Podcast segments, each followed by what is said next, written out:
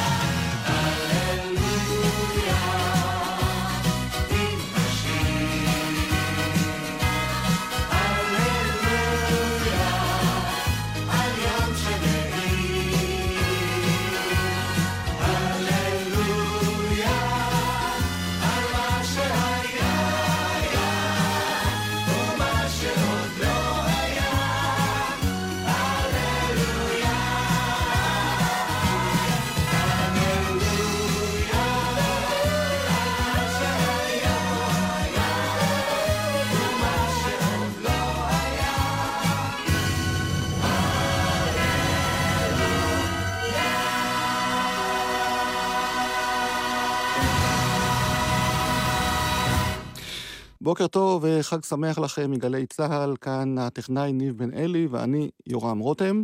אנחנו היום במהדורה בת שעתיים של בוא שיר עברי, והתוכנית שלנו היום מוקדשת להללויה, גם בשפה העברית, גם במוזיקה הקלאסית והבינלאומית, והכל לכבוד הבחירה בשיר הללויה ששמענו עכשיו, כשיר המייצג את אה, חגיגות ה-70 של המדינה, שנת ה-70 כבר בעיצומה, וכדי לשמוע על הללויה, דברים שאולי לא ידענו ושכדאי להכיר מכל ההיבטים, הזמנתי לאולפן אה, היום את דוקטור אסטרית בלצן, שהיא אה, פסנתרנית ומרצה מבוקשת, ש... מנחה אה, הרצאות מוזיקליות ויש לה הסברים מאלפים בכל התחומים שנוגעים למוזיקה הקלאסית, הבינלאומית וגם הישראלית.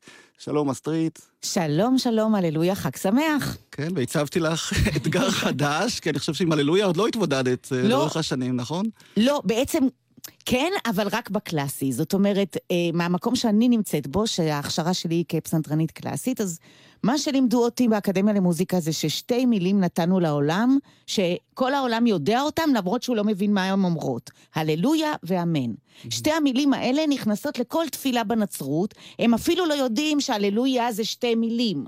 לכן זה הפך להיות הללויה, הללויה, הללויה, הללויה, בבת אחת. הם לא יודעים שזה הללו את אדוני, הם לא יודעים מה זה אומר, אבל זה הפך להיות מין מנטרה. הללויה בהתחלה, אמן בסוף.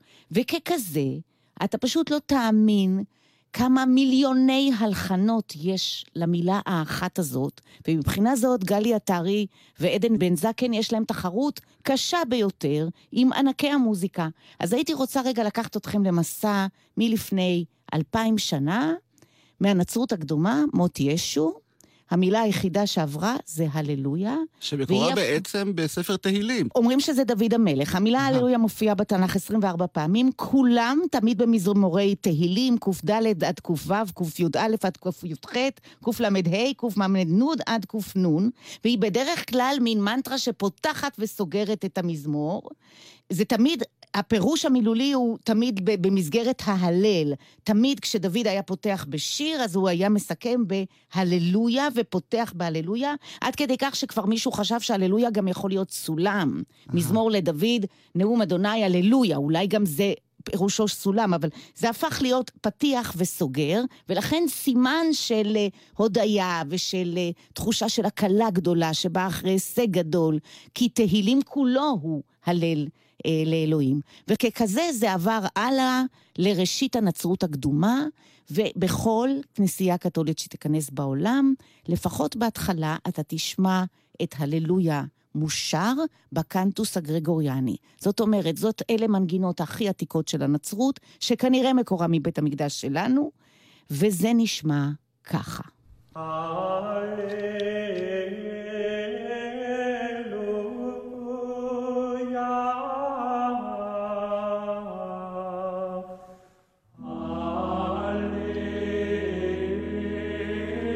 תמיד מתחיל גבר לבד, ומצטרפת מקהלת גברים, גברים בלבד, לנשים אסור, עם ליווי מינימלי, בדרך כלל עוגב, ובגלל שהללויה נגמרת בהפרה פתוחה, יא יא יא יא יא, על הבהרה פתוחה אפשר לסלסל שעות.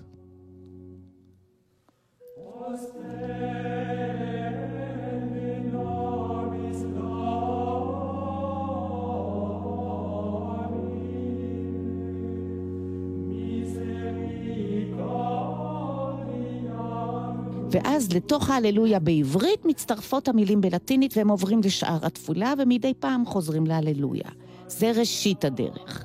עכשיו בואו נקפוץ לקטע הבא, כאשר גיאורג פרידריך הנדל, שהיה גדול מלחיני הברוק, המתחרה הכי גדול של באך והרבה יותר מפורסם ממנו, תפס שהתחלה של כל פרופגנדה בעולם זה להיצמד למנגינה אחת ולחזור עליה כל כך הרבה פעמים, אבל כל פעם אחרת, ככה שהיא לא תצא לך מהראש. ואז הוא בונה את ההללויה המפורסם בתוך האורטוריה משיח.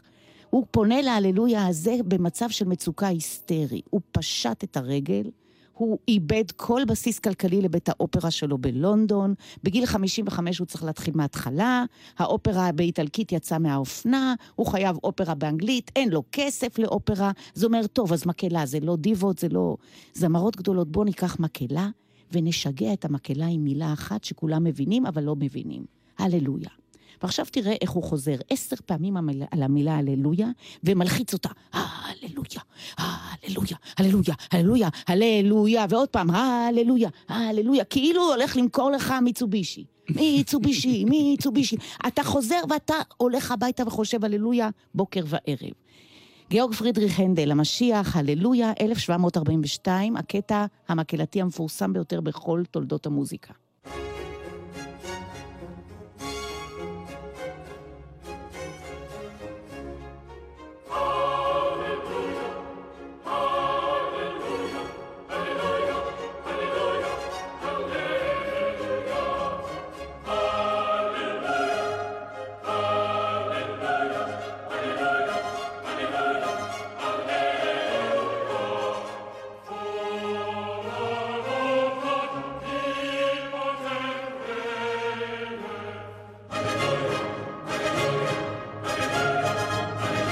הללויה זה לא עוזב. גם כשאומרים קינג אומניפוטנט ריינר, אלוהים כל יכול, בפנים, בתוך אלוהים, הללויה. הללויה. הוא מכניס אותו, זה כל כך קטן, זה מתברג לכל דבר. ועכשיו בפוגה שלמה, חמישה קולות.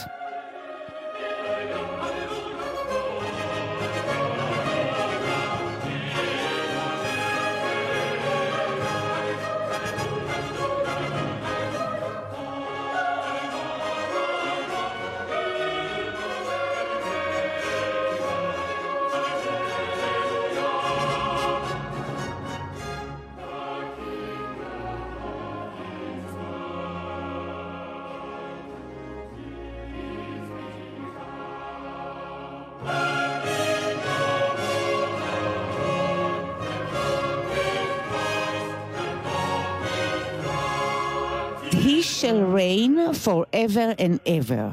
מה טוב בחזרה על מילה? חזרה מבטיחה נצח. אם זה חוזר כל כך הרבה פעמים, זאת אומרת שזה לא ימות. מה כל דת רוצה להבטיח למאמיניה? נצח. בעולם הזה, נו קשה, אבל בעולם הבא אתה תרוויח נצח. forever, forever, חורז להללויה, הללויה. שימו לב,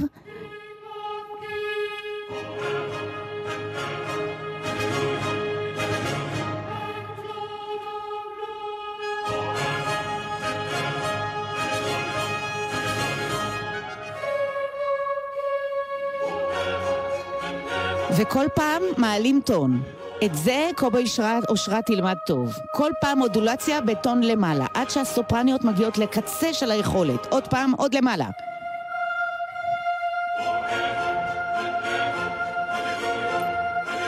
עוד אחד למעלה.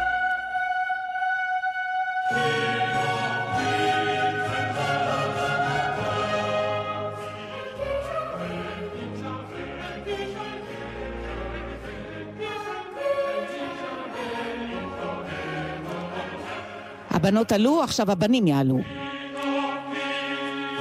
פעם אחת.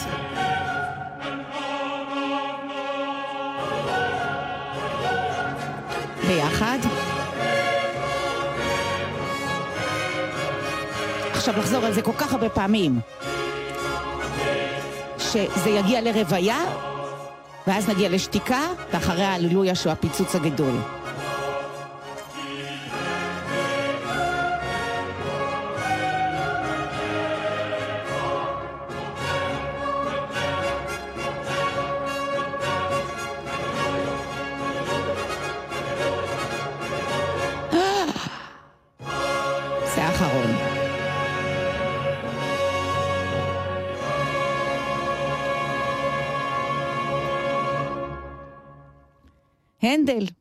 יודע את העבודה, ואי אפשר להגיד הללויה בלי להזכיר את הברית ה- הישנה, וזה אנחנו. מהמם. אז בכל זאת זכינו לחיי נצח. עכשיו, לא רק שזכינו לחיי נצח, אלא זכינו לאיזושהי תחרות מלחינים פנימית. אין הרבה מילים שכולם מתחרים עליהם, הללויה הנדל, הללויה באך. עכשיו אני רוצה להביא הללויה מוצרט קטן, חלק קטן, כדי להראות שמוצרט הרי ממש לא עבד בכנסייה, ולא רצה לעבוד אצל הארכיבישוף בזלצבורג, הוא רצה אופרה, אופרה, אופרה, והתאהב בכל זמרת מתלמדת. אז הוא רצה להפוך את הללויה לשיר נפלא של קולה של אישה סופרנית מדהימה, והוא בנה את השלאגר הבא, זה המוטט אקזולטטה ג'ובילטה, מוצרט היה בן 20 כשהוא כתב אותו. בואו נשמע קטע קטן, זה צ'יצ'יליה ברטולי.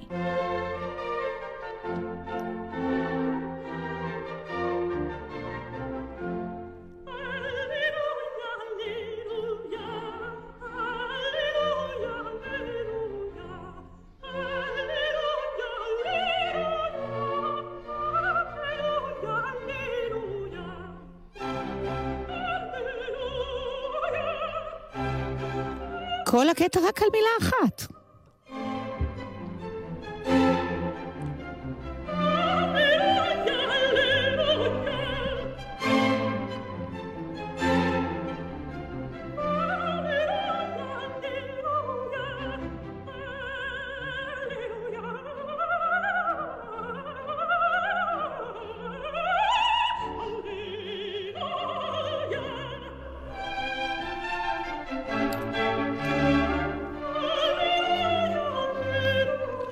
אז אנחנו נפרדים ממוצרט ומהקולורטורות המדהימות של צ'יצ'יליה ברטולי, ועוברים למשהו שהוא נכס עממי. אז עד כאן המוזיקה האומנותית, כמובן שיש גם מנדלסון ויש מאלר, יש המון. אני רוצה להגיע אלינו ועלינו. אז בואו טיפה נרחיב עוד מסביב לעולם. ברגע שאתה נותן מילה כזאת שחוזרת הרבה פעמים, זה דרך לקחת את האנשים שלא באמת מכירים את, את הסיפורים, ולתת להם להיאחז במילה. אתה נותן להם להיזכר, להיאחז במילה הללויה. אז למשל, בראשית הנצרות אצל הקהילייה השחורה, הללויה הופך להיות מילה שחוזרת בכל הספיריטואלס. אז מה עושים? סופרים כמה שערים יש לעיר ירושלים. הם לא היו בירושלים, הם לא יגיעו לירושלים, אבל על ירושלים כולם חולמים. 12 gates to the city, הללויה. 3 gates in the east, 3 gates in the west, 3 gates in the north, 3 gates in the south, והללויה, הללויה, הללויה, חוזר כל הזמן. אה, זה ביצוע נהדר של ספיריטואל כנראה מ-1900 לספירה. כאן זה שתי זמרות אופרה מדהימות, אחת יותר ענקית מהשנייה, קצלין באטל וג'סי נורמן שהיא ג'סי אינורמוס.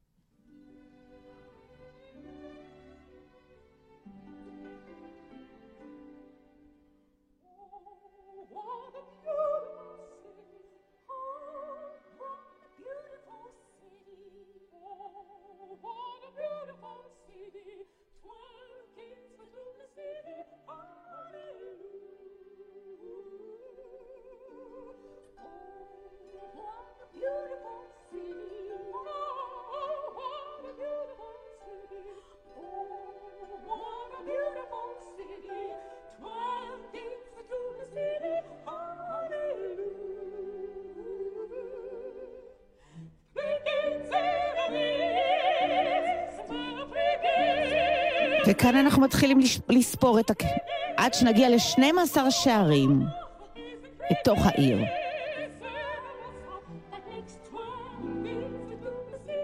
ונהלל את אלוהים שהעיר פתוחה לכל הדתות ולכל הגזעים.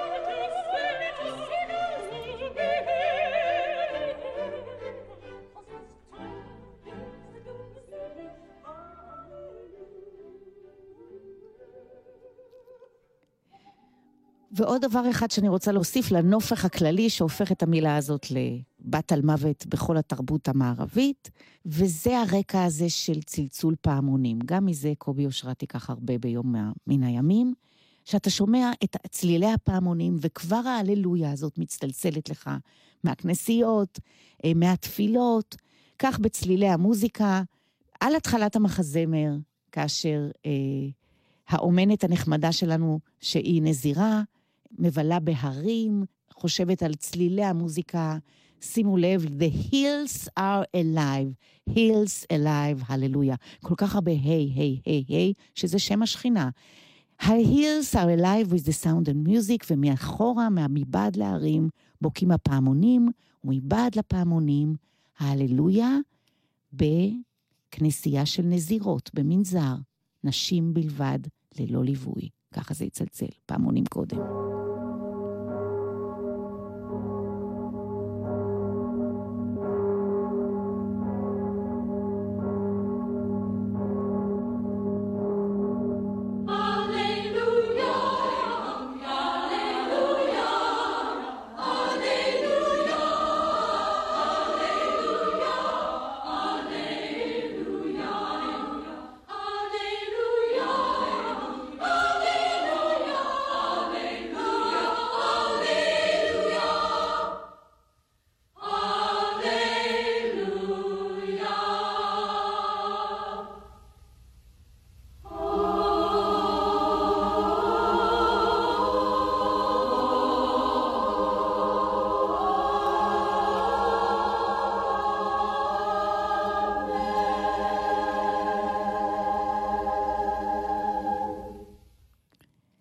הללויה מתוך אה, צלילי המוזיקה, ולמי שהצטרף אלינו עכשיו, נגיד שאנחנו מארחים כאן את אה, דוקטור אסטרית בלצן בגלי צה"ל, ואנחנו על מקורותיו של השיר והמזמור הללויה לאורך השנים.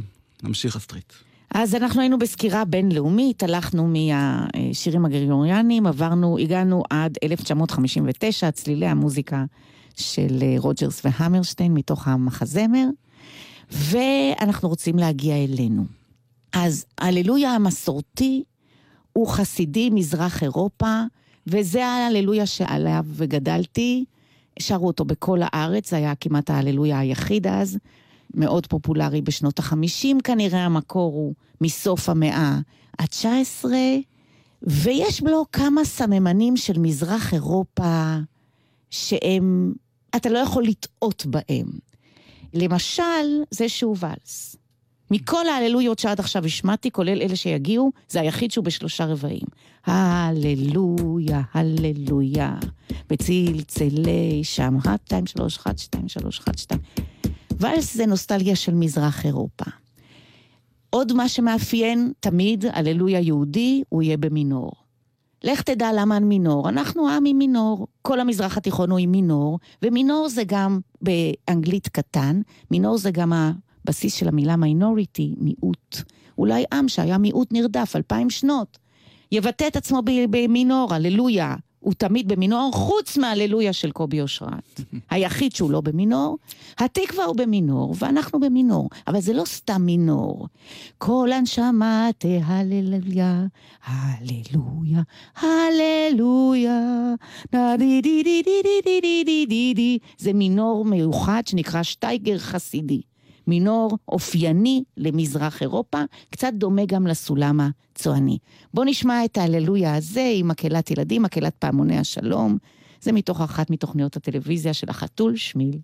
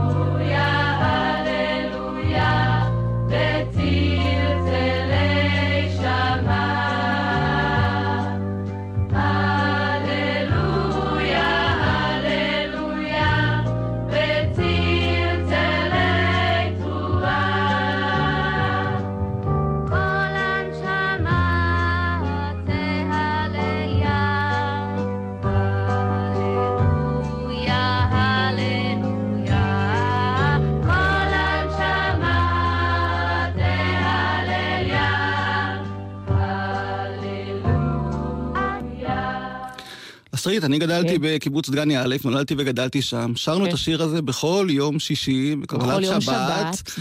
למרות שהיינו בחברה חילונית, בקיבוץ, וזה נשמע לנו השיר הכי uh, טבעי נכון. שאנחנו שרים ביום שישי, ואחר כך uh, ראיתי שגם כל הארץ מכירה ושרה אותו, לא צריך שום שירונים ושום uh, קודם uh, כל, כי המילים הם באמת מהמקורות. מאחר שאנחנו יודעים עברית, וזאת השפה שלנו, אז אנחנו לא מתייחסים למילה הללויה כאילו היא מנטרה, ואחריה סינית קדושה, אלא אנחנו מביאים כאן את כל תהילים קנ, ולוקחים את הפסוקים כמו שהם, ונהנים מהחרוזים, כל הנשמה, תהלל יא, הללויה, תרועה, נשמה, צלצלי שמע, משחקי המילים, נו.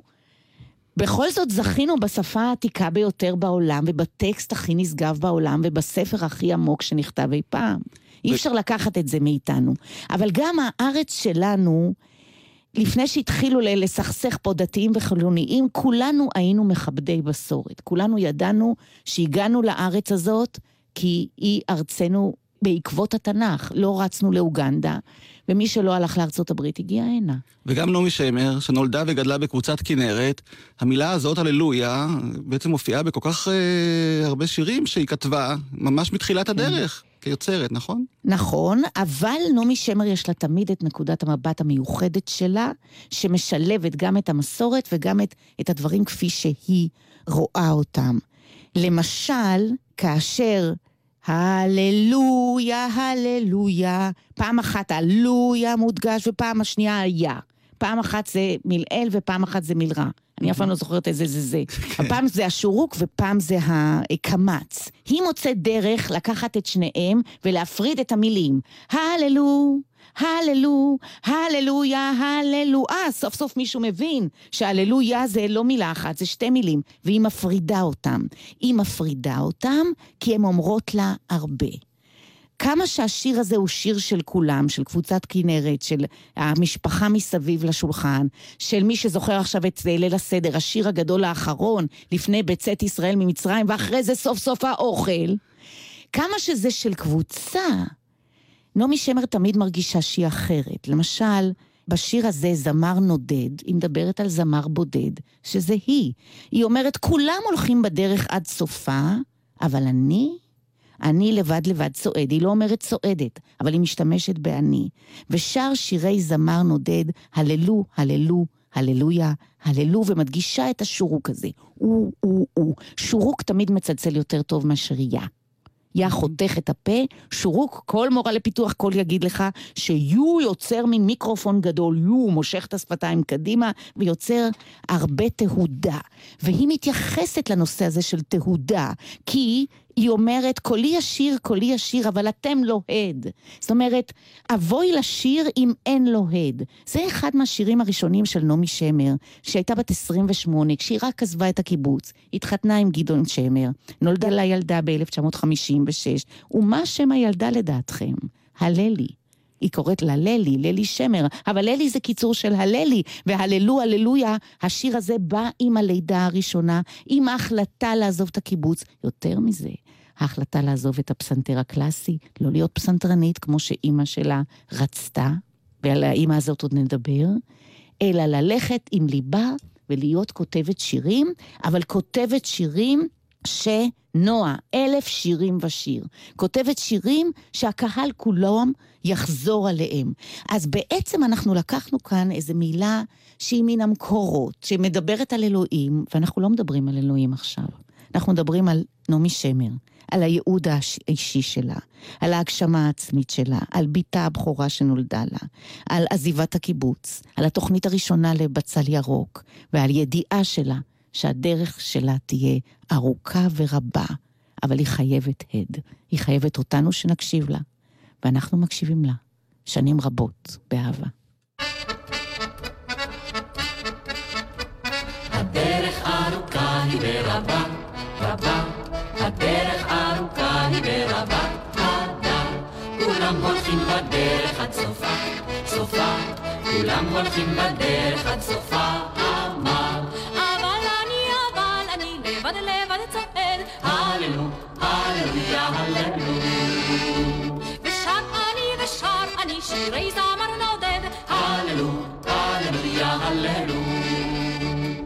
אחד נשא פניו אל הזהב, זהב, אחד נשא פניו אל הזהב הטוב. אחר מצא ילדונת שתאהב, תאהב, אחר מצא ילדונת שתאהב אותו. אבל אני, אבל אני לבד לבד צועד, הללו, הללויה, הללו. שירי זמר נודד. הללו, הללויה, הללו. איני רוצה לי בית עם שדה, שדה. איני רוצה לי בית עם שדה ירוק. כי כל שכרי כלכם אשר עונה, עונה. כי כל שכרי כלכם אשר עונה בשחוק. קולי ישיר, קולי ישיר, אבל אתם לא הד. הללו, הללויה, הללו. אבוי לשיר, אבוי לשיר, אין לו, אין לו הם. הללו, הללויה, הללו, ללו, ללו, ללו, ללו, ללו. שימו לב. היה פה קולות ואקורדיון, רק אקורדיון, וזה היה מספיק לתת לנו את ישראל שנות החמישים, בגרעין מרוכז. בכל העיר, העיר, קבעו הפנסים בכל העיר הזאת. אבל אני, אבל אני לבד לבד צועד, הללו, הללויה, הללו. ושר אני ושר אני שירי זמר נודד,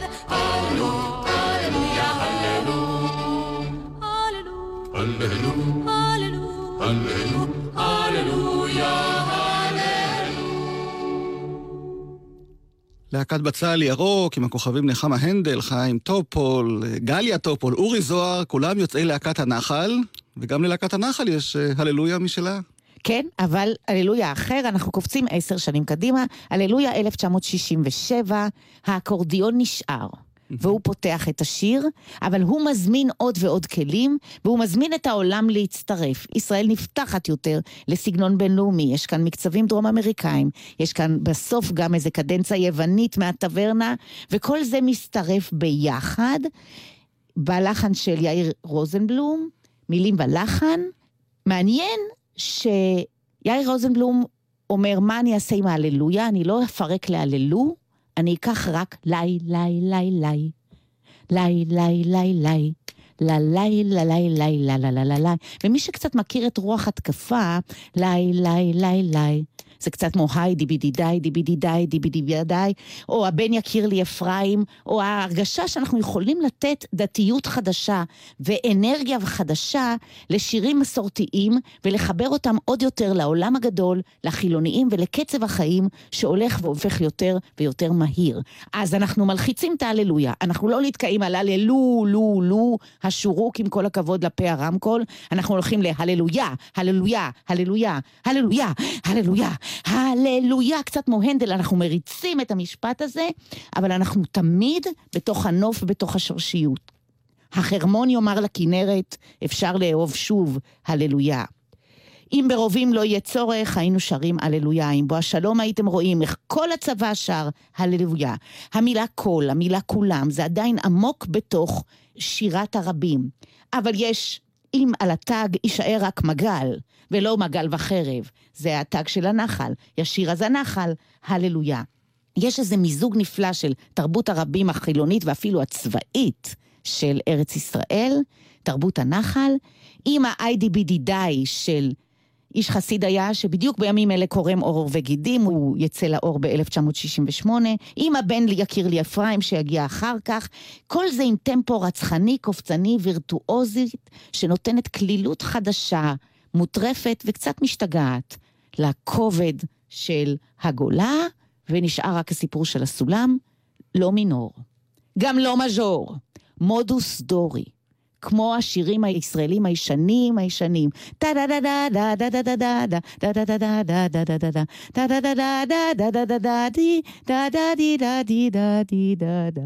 זה מודוס מיוחד.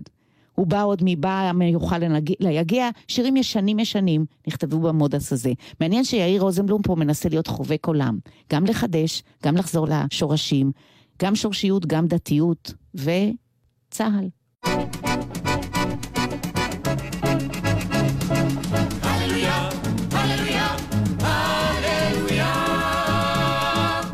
ברובים כבר לא היה צורך, היינו שרים אז הללויה. אם בשלום הייתם רואים איך כל הצבא שר הללויה.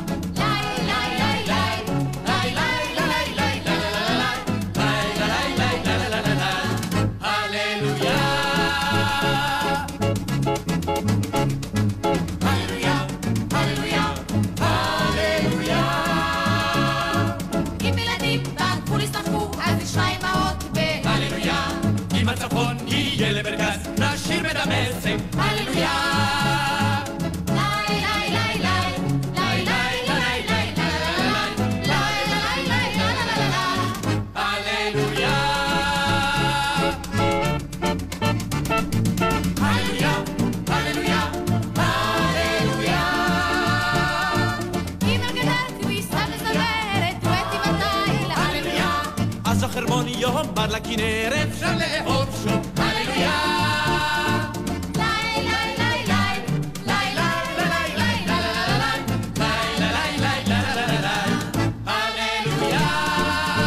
ופה הקטע היווני נכנס. יאסו! מי אמר שטברנה? טברנה זה לא רק היום. יאיר רוזנבלום חובק עולם. דרך הנחל.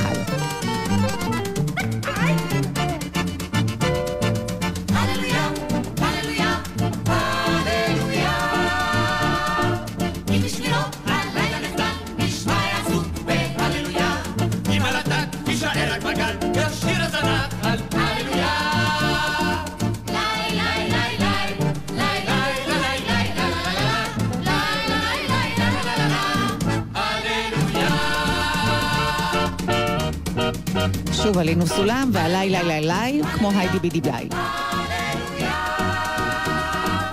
ברובים כבר לא היה צורך, היינו שרים אז הללויה. אם בשלום הייתם רואים איך כל הצבא שר הללויה.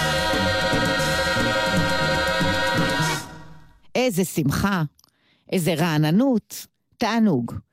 זה ב-67. בואו נדלג עוד עשר שנים קדימה, הטראומה הגדולה של 73, ונעמי שמר כותבת ל"תלו יהי", עם הגשש החיוור, ובלי להתכוון, מאיזה רעיון פשוט לתרגם את uh, Let It Be של הביטלס, היא שוב כותבת המנון מלחמה, מהעצובים והמרטיטים ביותר שהיא כתבה אי פעם. ושוב היא הופכת להיות הפזמונאית הלאומית. לא הספיק ירושלים זהב, ולא הספיק אנחנו שנינו מאותו הכפר, עכשיו גם לו יהי.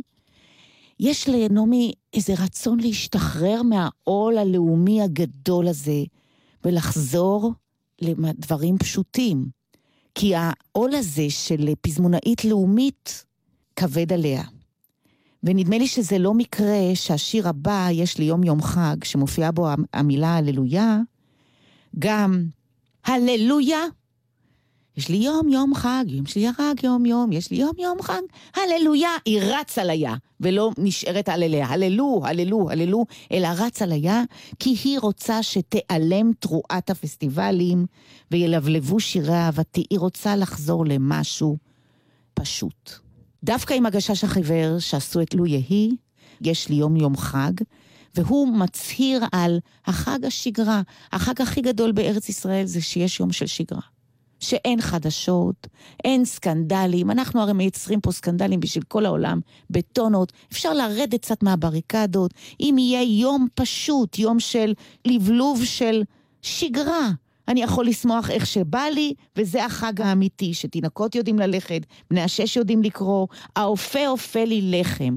לחם, לא גורמה, לחם, זה הכי הכי פשוט, כמו אחר כך מה שיהיה תות שדה מרמת השרון. הדברים הפשוטים, זה מה שעושה את החיים. אז נעמי שמר מוותרת כאן על הווירטואוזיות, והולכת על הצד הגמלוני משהו של שלושה זמרים שהם בעצם יותר מגישים מזמרים, ועל איזשהו בס מהלך שהוא קצת כבד ושמן. בום, בום, בום, בום, בום, בום, בום, בום, בום, בום, בום, ואליו מתלווה מחיית הכף, פם, פרם, פרם, פרם, פרם, ויאללה שתיעלם תרועת הפסטיבלים, בדרך הלך גם האקורדיון, נשאר הפסנתר, ויש לנו שלושה בתים, שלושה סולנים, ואחרי זה כולם ביחד, הללויה בשביל דברים כאלה.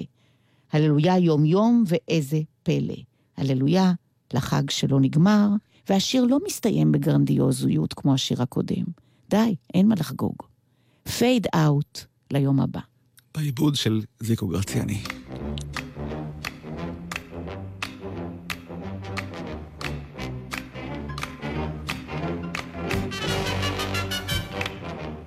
כשתיעלם תרועת הפסטיבלים, ילבלבו שירי אהבתי. אני יכול לשמוח איך שבא לי. וזהו זה החג האמיתי.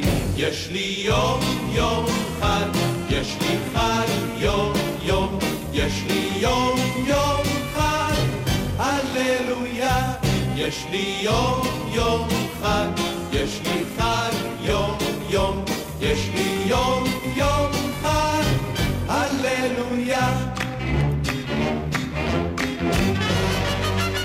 הפשטות כובשת כאן. קול אחד, או שלושה קולות באוניסון, או לא מנסים לעשות קולות, הם לא זמרים גדולים. אבל עדיין שירת הרבים כן קובעת בארץ הזאת, וזאת שלישייה. והאופה אופה לי את הלחם, וזהו זה החג בהדרום. יש לי יום יום חג, יש לי חג יום יום, יש לי יום יש לי יום יום חג, יש לי חג יום יום, יש לי יום יום חג, הללויה.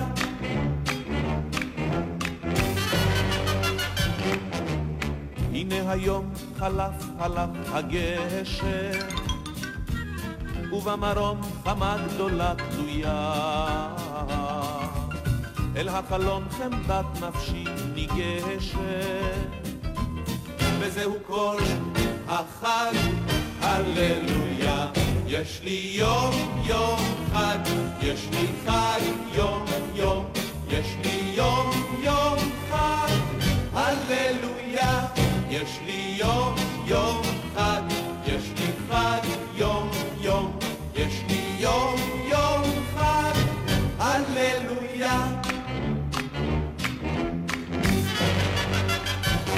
שלושתם ביחד, לסיכום.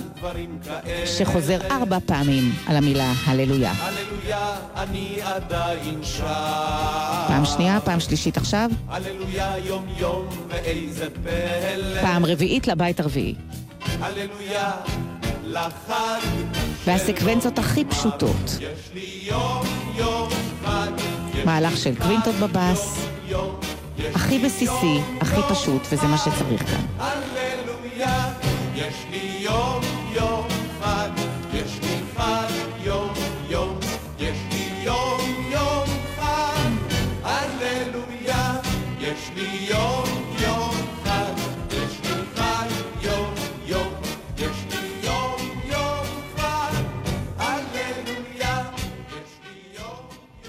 אז הנה יש לנו יום יום חג עם נעמי שמר, כאן עם הגשש החיוור, ואנחנו ממשיכים עם ההללויה שמלווה אותנו לאורך השנים והשירים, וכשלקיבוץ עין גדי אה, מלאו 25 שנים, חגיגת חצי יובל, אז שניים מחברי הקיבוץ כתבו למופע שהוא עלה שם את השיר הללויה, שאומץ מהר מאוד אה, על ידי הארץ כולה, בעיקר אחרי שהוא בוצע במופע ניחוחי חציר על ידי אה, דורית ראובני, דודו זכאי והגבעטרון, סיימו את המופע עם השיר הזה, וכל הארץ התאהבה ושרה אותו מאז.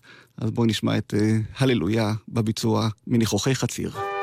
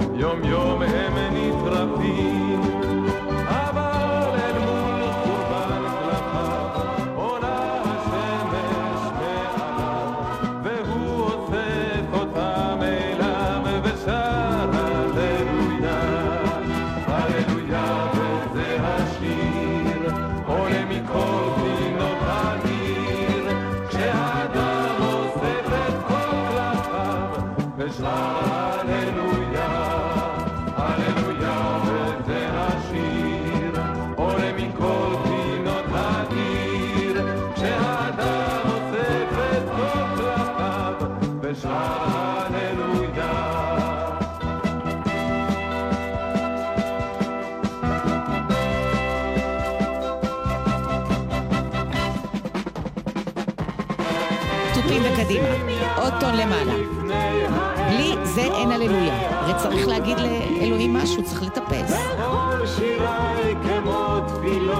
זה עדיין בסולם מינורי. נשארנו עם המינור. וזה תנוע ודל. כי כאלה אנחנו אולי עדיין ב-1976. הללויה, וזה השיר, עוד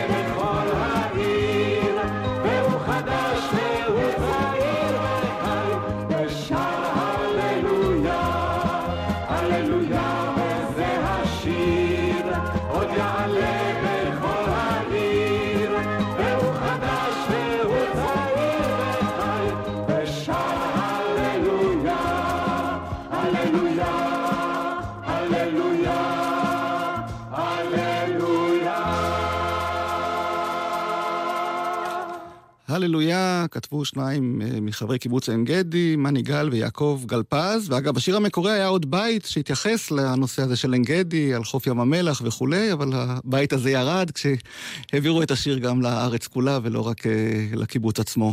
ומעניין שבאופן סמלי כל השיר הוא במינור, הללויה, הללויה, ורק בסוף הללויה, פתאום זה נפתח למז'ור, כמו שבאך אוהב לעשות, כאילו הדרך מן האפלה. Mm-hmm. שנה אחרי זה, 30 למדינת ישראל, דווקא בפסטיבל שירי ילדים, אלי גורנשטיין הצעיר שר את שירו של אה, שייקה פייקוב, לארצי יש יום הולדת.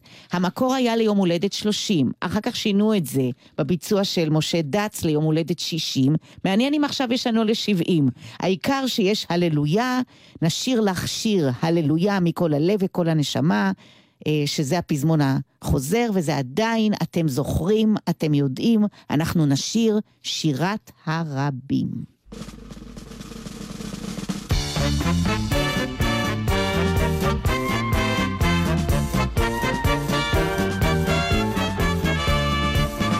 לארצי יש יום הולדת, אתם ודאי יודעים, אתם ודאי זוכרים, שהיא כבר בת שלושים, ולכן כולנו יחד נאמר לה ונברך, המשיכי ככה הלאה, באשר תלכי נלך, ונשיר לה שיר הללויה, מכל הלב וכל הנשמה.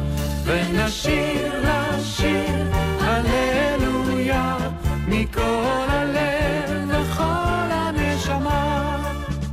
כל בנייך מכנף ארץ יחומו את חגך וכל מפוצותייך ישובו לגבולך עם עירך ירושלים. נשמח ונתחדש ונקווה כי בימינו ייכון בית המקדש. ונשיר לשיר הללויה, מכל הלב וכל הנשמה, ונשיר לשיר הללויה,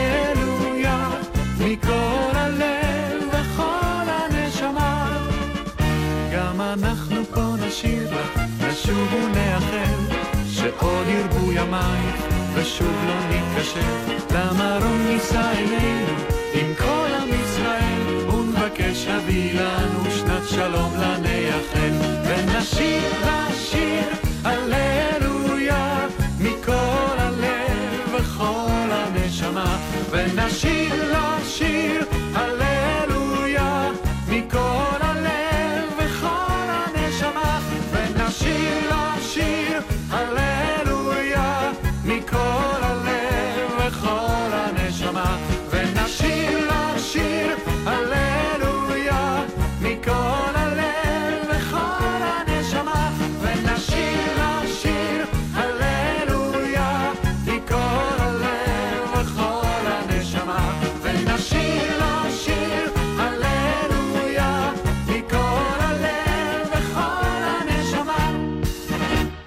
לארצי יש יום הולדת, שר אלי גורנשטיין לפני 40 שנה בדיוק, והשיר הזה מתאים גם לימינו, רק פשוט צריך לשנות את הספרה מ-30 ל-70, כל התוכן של השיר עדיין רלוונטי, ואנחנו uh, מסיימים כאן שעה ראשונה מתוך שתיים של בו שיר עברי היום, תוכנית שמוקדשת להללויה במוזיקה הישראלית, בזמר העברי, במוזיקה הקלאסית, הבינלאומית וכולי, כי נמצאת איתנו כאן uh, דוקטור אסטרית בלצן, שנשארת איתנו גם לשעה הבאה, עם הטכנאי ניב בן אלי שנשאר, אני יורם רותם, ואנחנו נשמע עכשיו את בועז שרעבי, ששר פעמיים הללויה בתחילת הדרך שלו, פסטיבל הזמר בסגנון עדות המזרח, למנצח, שיר מזמור, ואנחנו נשמע אותו כאן עד לחדשות, להתראות בשעה הבאה. הללויה. על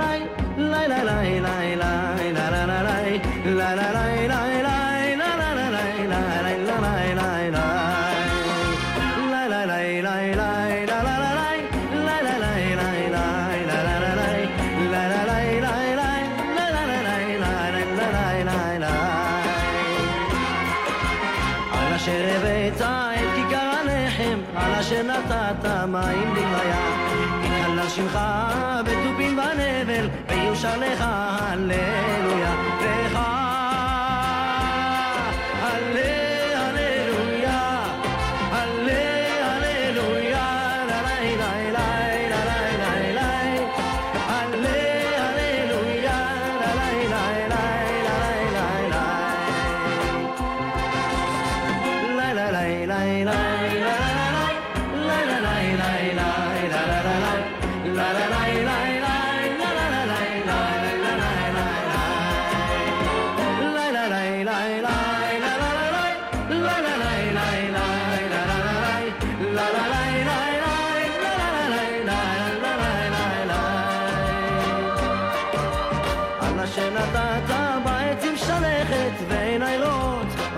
של שקיעה יתהלל שמך בתופים ונבל ויושר לך הללויה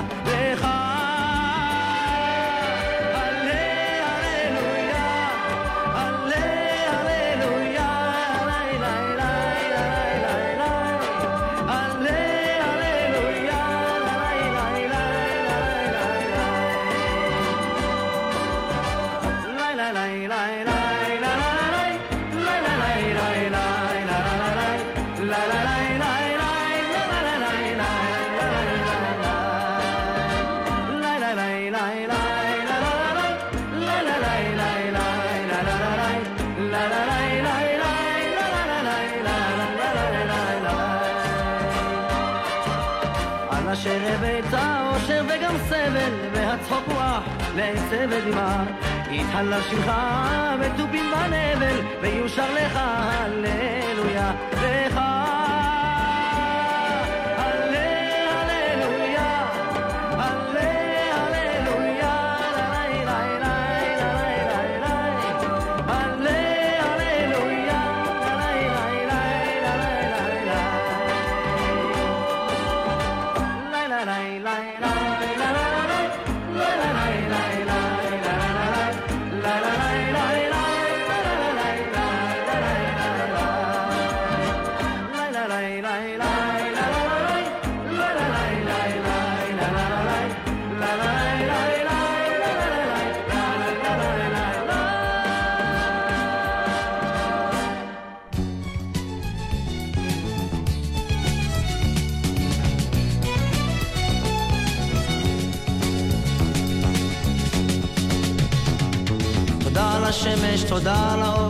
אשר שוב זכיתי לראות.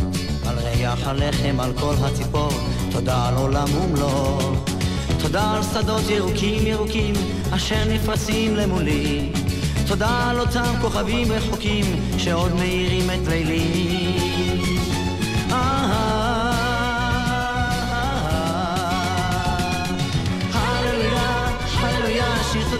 השיר המקור. הללויה, הללויה, וברי על הכל. הללויה, הללויה, שיר תודה, כאן השיר. הללויה, הללויה, אלף על הכל.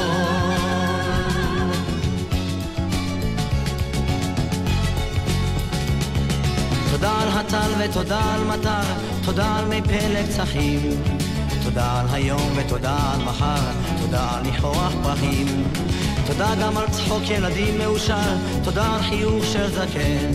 תודה על חשוב הנרק אם אפשר, המשך נא לומר לנו כן.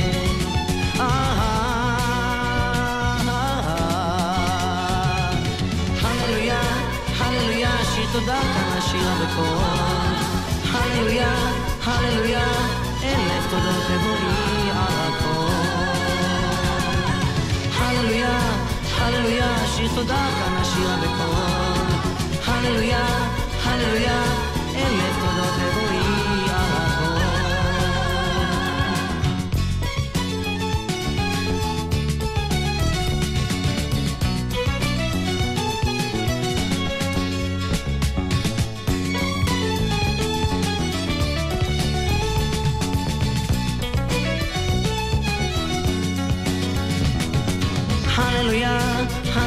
הללויה, שיר תודה כאן השירה בקול. הללויה, הללויה, אלף תודות לבואי על הכל. תודה גם מראש אם יבוא השלום, נאמר וליבנו נפעם. תודה לך שוב היושב במרום, תודה שאתה עוד חשב. תודה על העמק, תודה על הרים, תודה על רקיע כחול. תודה שישנם בליבי עוד שירים, בעצם תודה על הכל.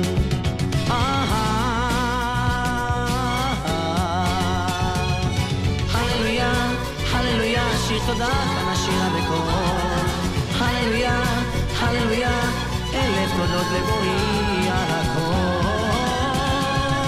הללויה, הללויה. הללויה, הללויה, אלף תודות לבואי על הכל. הללויה, הללויה, שיר תודה, כאן השירה בקול. הללויה, הללויה, אלף תודות לבואי על הכל. הללויה, הללויה, שיר תודה, כאן השירה בקול. הללויה, הללויה, אלף תודות לבואי על הכל.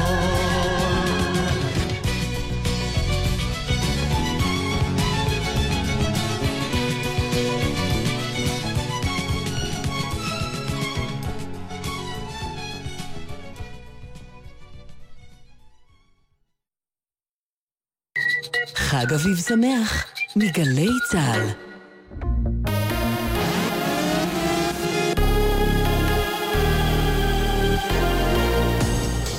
גלי צה"ל השעה שמונה, חג שמח ובוקר טוב, כאן אופק אלברט עם מה שקורה עכשיו. שליח ארצות הברית למזרח התיכון ג'ייסון גרינבלט התייחס למצב המתוח בעזה לקראת ההפגנות הצפויות היום ואמר כי הוא ממליץ למפגינים לצעוד בשלווה, להימנע מאלימות ולא לגשת לגדר כלל. בהודעת מחלקת המדינה האמריקנית נכתב ארצות הברית מגנה מנהיגים ומפגינים שקוראים לאלימות ושולחים אזרחים וילדים לגדר בידיעה שהם עלולים להיפגע ואף להיהרג. שגרירי המדינות הערביות באו"ם דוחקים במזכ"ל האו"ם לפתוח בחקירה עצמאית בעקבות הרג הפלסטינים במהלך צעדת השיבה לפני שבוע. הנציג הפלסטיני באו"ם ריאד מנסור נפגש עם מזכ"ל האו"ם אנטוניו גוטרש וטען כי גוטרש הגיב בחיוב והביע דאגה בעניין. במקביל, בצה"ל נערכים להתפר... להתפרעויות האלימות הצפויות בגבול הרצועה במהלך היום. במשרד ההגנה האמריקני מבהירים כי המשימה של כוחות ארצות הברית בסוריה נשארה כפי שהייתה, ולפי שעה אין חזרה מתוכננת של אותם חיילים. דוברת הפנטגון אמרה כי המטרה נותרה הבסת דאעש. מוקדם יותר השבוע אמר הנשיא טראמפ כי המטרה היא להוציא את החיילים מסוריה תוך חצי שנה. האמירה יצרה מחלוקות בתוך הממשל, שכן בכירים רבים סבורים כי הוצאת הכוחות מוקדם מהמתוכנן תפגע במטרה, יפגע במטרה ויסכן את מדינות ערב המתונות וכן את ישראל. הליגה נגד השמצה פנתה לראש הממשלה בנימין נתניהו והפצירה בו למצוא פתרון לבעיית מבקשי המקלט ואף לשקול בשנית את ביטול המתווה שהושג עם האו"ם. בציוץ שפרסם הארגון בטוויטר בשיתוף עם מנכ"ל הליגה ג'ונתן גרינבלט נכתב כשחג הפסח, כשחג הפסח מגיע לקיצו, עלינו לזכור את ההיסטוריה המשותפת שלנו היהודים כמהגרים עם אלה שקוראים לארצות זרות בית. כדורסל מה-NBA, מובילת הליגה יוסטון גברה על יריבתה במערב פורטלנד 96-94 מסל ניצחון שכלה קריס פול פחות משנייה לסיום. האלופה גולדן סטייט הובסה באינדיאנה נגד הקבוצה המקומית 126-106. על רקע השמועות לסיום תפקידו בקבוצה, השחקן הישראלי עמרי כספי שוב לא שטף. במשחק נוסף ניצחה קליבלנד 119-115 את וושינגטון, אחרי שפיגרה ב-17 נקודות. התחזית לחג נאה ותחול ירידה קלה בטמפרטורות שעדיין תהיינה גבוהות מהרגיל לעונה.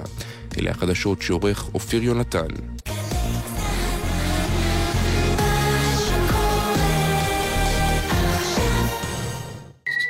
חג אביב שמח מגלי צה"ל. עכשיו בגלי צה"ל, יורם רותם, עם בוא שיר עברי.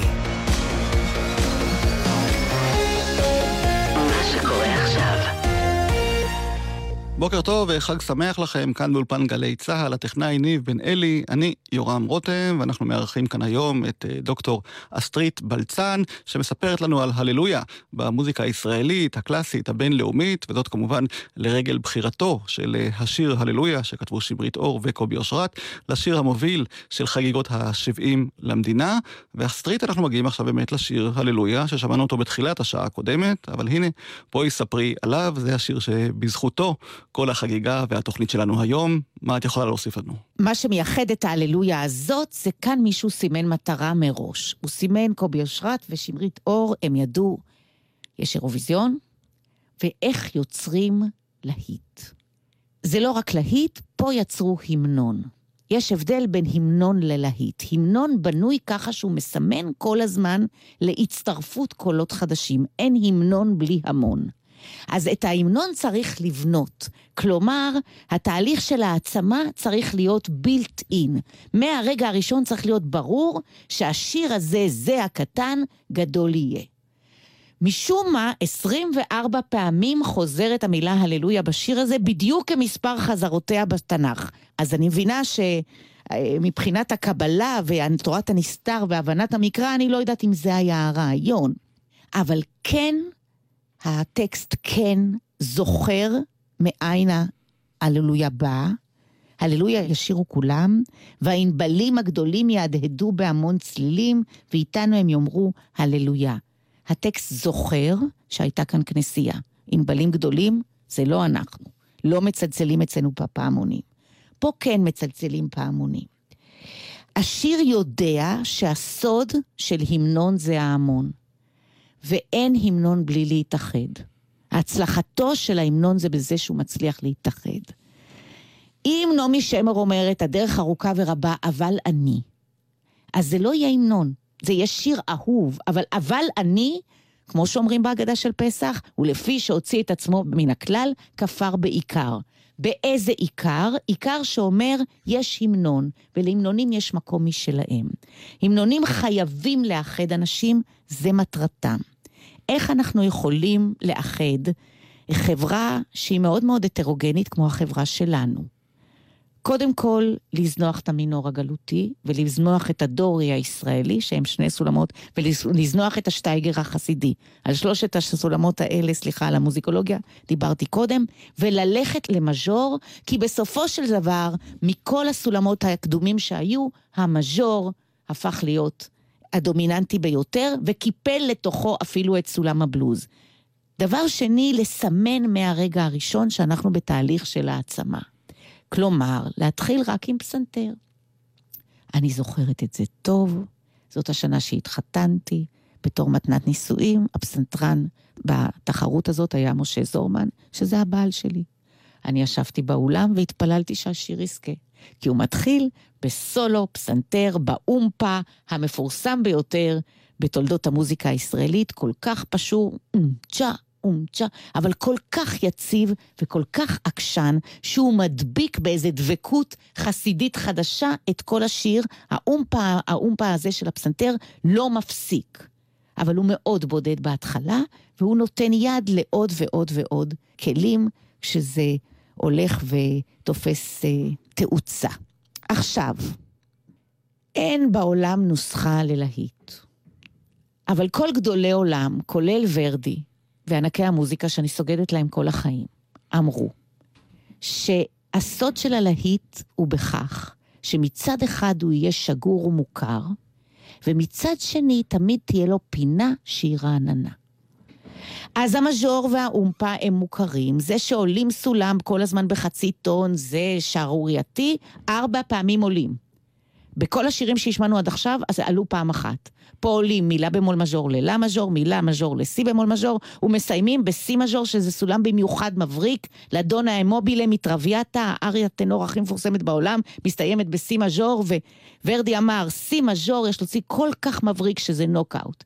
ולכן הוא לא פרסם את השיר עד ליל הבכורה, שמא יגנבו לו את הרעיון. זה, כל אלה פטנטים ידועים. איפה אני חושבת יש ממש הברקה? היא מסתתרת על ההתחלה. במילה אחת בודדה, הלב מלא בהמון תודה, זה קו קשה. מילה בודדה, ממילה אחת בודדה, זה קפיצת אוקטבה למטה. ואחר כך עוד קפיצה, הלב מלא בהמון תודה, זה ספטימה. אלה לא מרווחים שמופיעים הרבה בשירה, בציבור, בשום אופן לא. אם כבר לוקחים ספטימה, זה תמיד בעוד לא אהב, אוקטבה, אז זה תמיד בעוד לא אהבדה תקוותנו למעלה, לתקווה. אבל במילה אחת בודדה, המילה היא יחידה. וזה איזושהי רגע של עומק, עם אקורדים מעניינים ביותר, שנמצא בשיר, ותן את זה לחלטוריסט המפורסם ביותר, ויהיה לו בעיה למצוא את האקורדים של הללויה. אז זה לא עד כדי כך פשוט ופופוליסטי. יש לזה את הגאוניות שלו, ואיינשטיין אמר, בתוך כל גאוני צריך להיות פשוט, אחרת זה לא גאוני. אז uh, הללויה, אמרנו שהוגש uh, שנה לפני uh, שהתקבל לתחרות הקדם אירוויזיון, והמבצעים המקוריים שלו היו צריכים להיות חברי להקת הכל עובר חביבי. הם הקליטו גם את הגרסה שהוגשה בזמנו לוועדה, וכעבור שנה, כשהשיר התקבל, הם היו אמורים הרי לבצע את השיר בתחרות, אבל שלומית אהרון קיבלה מכת חשמל באחת ההופעות של הלהקה, ולכן היא החליטה שהיא לא רוצה להשתתף בתחרות, שתגביר אצלה את המתח בעקבות הטראומה שחוותה. ולכן הקימו את להקת חלב ודבש, שביצעה את השיר בארץ, ואחר כך גם באירוויזיון, שנערך בירושלים, וזכתה איתו כמובן במקום הראשון, והכל עובר חביבי, נשארו ככה עם התסכול שהם לא הצליחו... שהם, שנגנבה להם הבכורה. לא נגנבה, אבל הם ויתרו על השיר בלית ברירה, אבל כעבור שמונה שנים, ב-1987, נערכה מסיבה לקובי אושרת במועדון החמם ביפו, ובסוף המופע, את השיר הללויה, שרה להקת חלב ודבש, אבל המנחה אבי קורן ביקש מחברי הכל עובר חביבי שנכחו באולם להצטרף ולשיר יחד עם הלהקה הזאת את השיר הללויה שעליו הם ויתרו. ויש לנו כאן הקלטה נדירה של גלי צה"ל מאותו מופע, שבו אני חושב אפשר לשמוע את הכל עובר חביבי וחלב ודבש שרים יחד הללויה. אז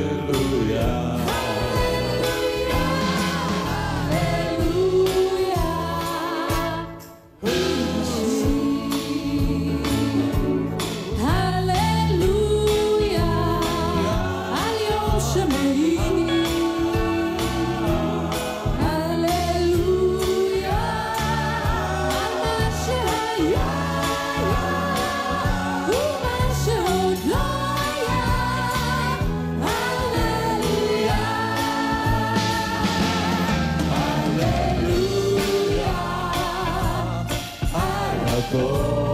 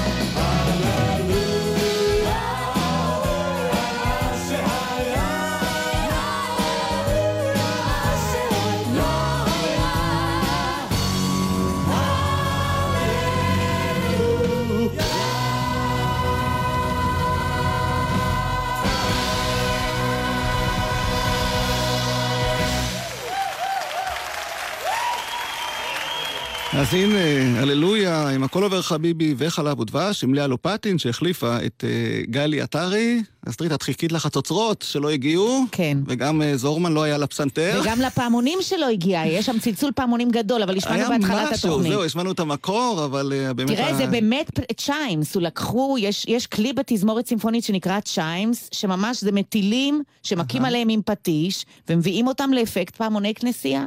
בטהובן הגדול אמר פעם, איזה הוא גאון המצליח להשיג את המטרות הגדולות ביותר ואת הרושם הגדול ביותר באמצעים הפשוטים ביותר.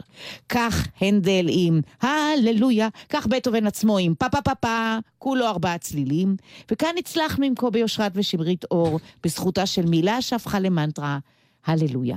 ושמרית אור לבקשתה של מירי רגב. שרת התרבות הוסיפה, הללויה ישראל, יום הולדת הוא יום הלל, יום הולדת הוא יום הבטחה של מולדת, הבטחה של עם ותקווה, נשאיר לך באהבה, הללויה. ויש עוד הללויה אחת שאי אפשר בלעדיה, הללויה של ליאונרד כהן כמובן. ליאונרד. כהן בגיל 50, 1984, הוא יליד 1934. הוא כתב אחרי לבטים רבים ולמעלה מ-80 גרסאות שיר בשם הללויה, אה, שחוזר הללויה, הללויה, שוב ושוב על המילה הזאת, ובעצם בודק את, את התקפות של דתיות למישהו שהוא חילוני, ולא רק למישהו של, שהוא חילוני, למישהו שאוהב את המסורת, שהוא יהודי, שקורא בתנ"ך ומסתכל, ומכיר את דוד המלך. ואומר, דוד המלך, שכתב כביכול את תהילים, מזמור לדוד, והוא זה שאומר הללויה בצלצלי שמע, בצלצלי תרועה. איזה מין מלך הוא היה? האם הוא באמת היה מלך עשוי ללא חת, אה, בלי מתום? והוא מצטט כמה אירועים, הוא מסתכל על דוד ומיכל, על שמשון ודלילה, על זה שבעצם הגיבורים הגדולים הלאומיים שלנו היו אנשים מושחתים. כבר אז. מה עושים? או שבעצם אל בעצמו הוא מושג אנושי, אנחנו ממציאים וממשיגים את המושג של אל, ואל נקמות בדרכו הוא גם אגרסיבי, ואי אפשר לדבר על הללויה בטהורות. אז מה בעצם התוקף של המילה הללויה? מעניין שלאונרד כהן, כמישהו שהוא קודם כל משורר גדול, לוקח את זה, כמו שנעמי שמר לקחה, אלא אני היוצר שלו. כמו שנעמי שמר אמרה בזמר נודד, לבד אני הולכת ואני חושבת שאבוי לשיר שאין לו הד, היא בעצם מדברת על עצמה. היא מדברת על חייה, על ההגשמה העצמית שלה. גם ליאונרד כהן מדבר על מה פותח לאנשים את הלבבות. I have heard there was a secret chord that David played and it pleased the Lord. הוא מדבר על אותה סצנה שדוד פורט בכינור דוד ומוציא את הרוח הרעה משאול המלך, ואחר כך הוא הופך להיות מלך בעצמו בזכות המוזיקה. דוד המלך הוא איש התרפיה במוזיקה הראשון שלנו, והיום זה מקצוע גדול שהעולם צריך אותו. וגם זה המאגיה של המוזיקה. במילה הללויה יש קסם, ובמוזיקה של הללויה יש קסם. But you don't really care for music, do you? זה יהיה המשפט הבא. למי אכפת בכלל במוזיקה? ואז הוא פשוט מדבר על המהלך, הוא מספר מה הוא עושה. It goes like this, the fourth, the fifth, והוא עולה מפה לסול, the minor לה, the minor fall, the לה מינור, the major lift, פה מז'ור, הוא פשוט אומר את התווים שהוא הולך להשתמש בהם, ואומר, ואת כל זה מי עשה? The baffled king composing הללויה. מלך מבולבל, שלא ידע מי הוא. האם הוא משורר? האם הוא איש יצרים? האם הוא איש מוזות? האם הוא לוחם ללא חת? האם הוא מנהיג? האם הוא צריך לתת אמת מידה מוסרית? או שמותר לו גם ליהנות מהחיים? שאלות קשות. אז בואי נשמע את אה, ליאונרד כהן בביצוע המקורי של הללויה. Now I've heard there was a secret chord that David played and it pleased the Lord. But you don't really care for music, do you?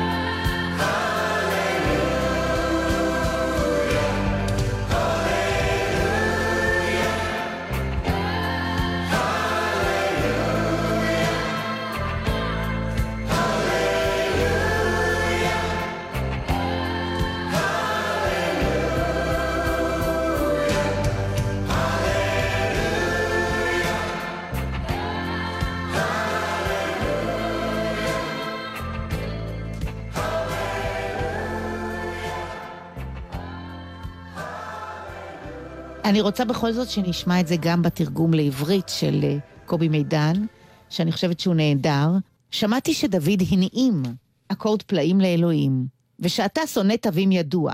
אקורד עגום ומסתורי, מינור נופל, מז'ור ממריא. מינור נופל זה, ה, זה התרגום של uh, The minor fall, The major lift, לה מינור ואחר כך פה מז'ור. ומלך מבולבל שר הללויה. ואז הוא כאילו מוציא את הפומפוזיות מהשיר והופך אותו יותר אנושי, אנושי כי הוא טועה, אנושי כי הוא לא יודע את דרכו. זה לא שיר של צליין קדוש מואר, לא שיר תלונה שר, רק שיר שבור וקר של הללויה. הללויה, הללויה, הללויה, הללויה. מעניין שהשיר הזה הפך להיות שירו הידוע ביותר, עם אלפי ביצועים, וזה הפך להיות גם ההמנון של הקהל שליווה אותו עד יומו האחרון. מעניין שאת אותו דבר הוא עשה פעמיים בחיים. הוא לקח מילה בעברית. הוא לקח מילה בעברית בשיר הזה בגיל 50, והוא לקח מילה בעברית לשיר האחרון בגיל 82. בשתי המילים יש את אותיות השם, ה' וי', הללויה והנני. בשני השירים יש המצב של העמידה בפני החיים במבט שלא מצליח להבין מה זה טוב ומה זה רע, אבל רוצה לחוות ורוצה להיות מוכן גם לרגע הגזירה.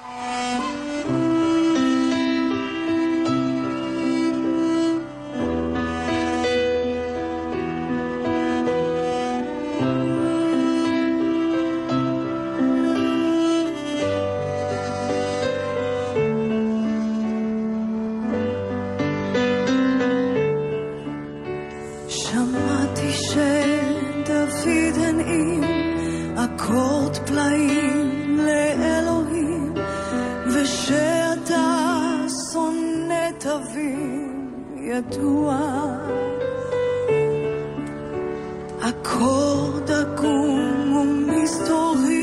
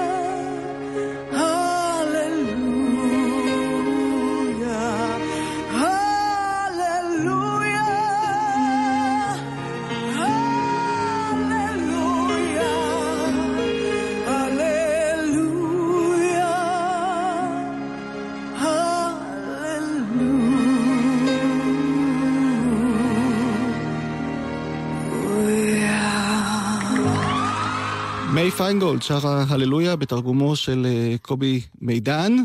ואם נמשיך, אסטרית בלצן וזה כאן. מכוכב נולד 2009, כן. מהתחרות. בואו נלך הלאה. השיר של הללויה של אה, ליאונרד כהן זה 1984, והוא מלווה אותו כמו המנון ליאונרד כהן בכל העולם. מי שהיה בהופעות האחרונות יודע שהקהל פשוט ניצב ודומע ושר איתו הללויה.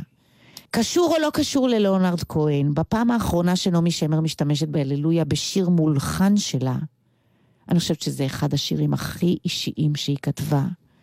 זה שיר דיוקני מי, שנמצא בתוך האלבום של יורם גאון, אלף נשיקות, מ-1986. אני מעדיפה את הביצוע של נעמי שמר עצמה, כי גם אני זוכרת אותה ואת הבית ואת תמונת אימה על הפסנתר, זה באמת היה שם. דיוקני מי על הפסנתר, ידע ימים יפים יותר, וגם ימים יותר קשים. ב-1930 בקיץ, זה שנת הלידה של נעמי. דיוקני מונף אל השמיים, עוקב אחר ציפור בלתי נראית. אני חושבת שבימים שהשיר הזה נכתב, אימא של נעמי כבר הייתה חולה ולא עזבה את ביתה שנים רבות בדיכאון, ואחרי זה נפטרה.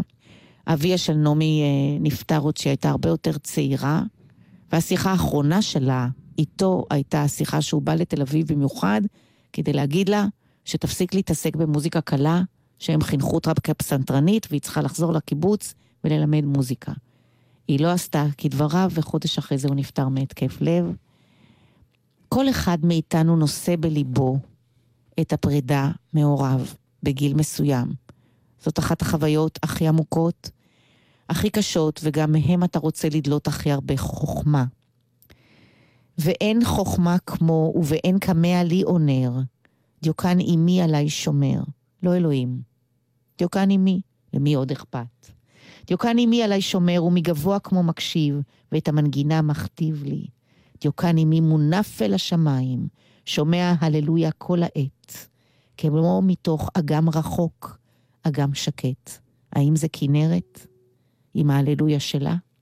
ואם זה כנרת, היא קרובה למושיע אחר, שהלך על פני המים. כל שורת הדימויים הזאת נכנסת לשמיים של העומס הרגשי הנפלא של השיר הזה. נעמי שמר, דיוקן עמי, מאוד אישי.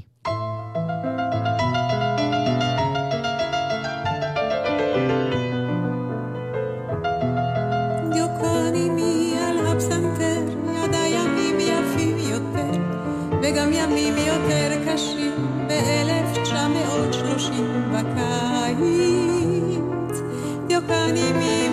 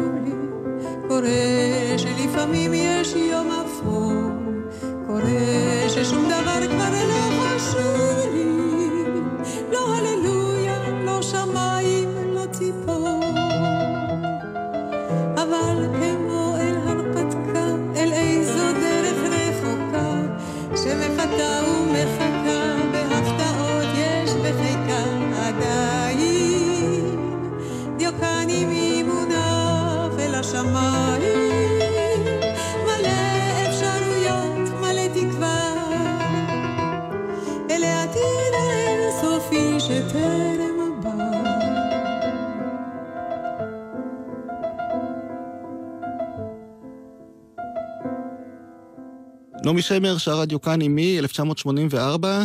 אני רוצה ללכת עכשיו למשהו לגמרי אחר, דווקא לציבורי ביותר. 1985, מלחין קלאסי, שידו גם במוזיקה קלה, נועם שריף, חתן פרס ישראל. כותבת הראשונה בטרילוגיה ענקית של שלוש יצירות סימפוניות ענקיות שהוא כותב, מחיי המתים, אחרי זה הפסיון הספרדי, ואחרי זה תהילים של ירושלים, שכולם עוסקים בהוויה היהודית-ישראלית. ומחיי המתים נכתב בהזמנה של מצנת אה, הולנדי, והוא ממש מספר את הסיפור של, ה, של השואה ושל התקומה, סיפור שנחשב לבלתי אפשרי במוזיקה במשך שנים רבות. וכשמגיע הסוף של הסיפור וצריך לדבר על תחייה, נצמד נועם שריף למילה הללויה. והוא נצמד אליה, אני פה מקצרת פרק מאוד ארוך, רק כדי שגם תשמעו את הדבר הזה. הוא נצמד אליה בממדים מונומנטליים וגנריאנים, אסור להגיד פה, אז נגיד מאלר. זאת אומרת, תזמורת ענק, מקהלת ילדים, חזן, הללויה, וההללויה שהופך להיות ציבורי וגדול וגדול, כמו שאומרים, גדול מן החיים, ענק, ועם פעמונים, ועם גונגים, ועם כל כלי הקשה של העולם, בסופו של דבר נשבר באיזה מין אקסטזה. הללו, הללו, הללו, הללויה! צועקים וזה נגמר. באיזה מין מפץ גדול של תחייה מחודשת, יצירה נהדרת.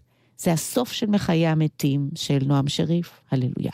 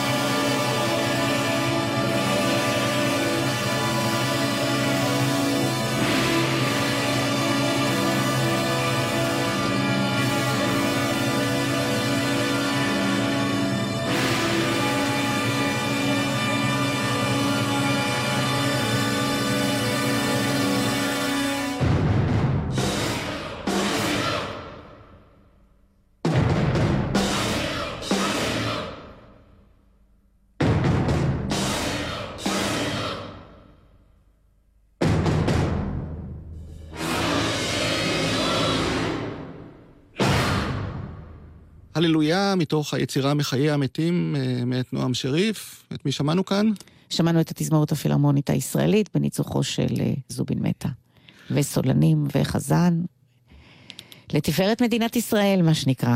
אנחנו עם אה, דוקטור אסטרית בלצן, בעקבות ההללויה שמלווה אותנו לאורך השנים, והגענו אל אייל גולן.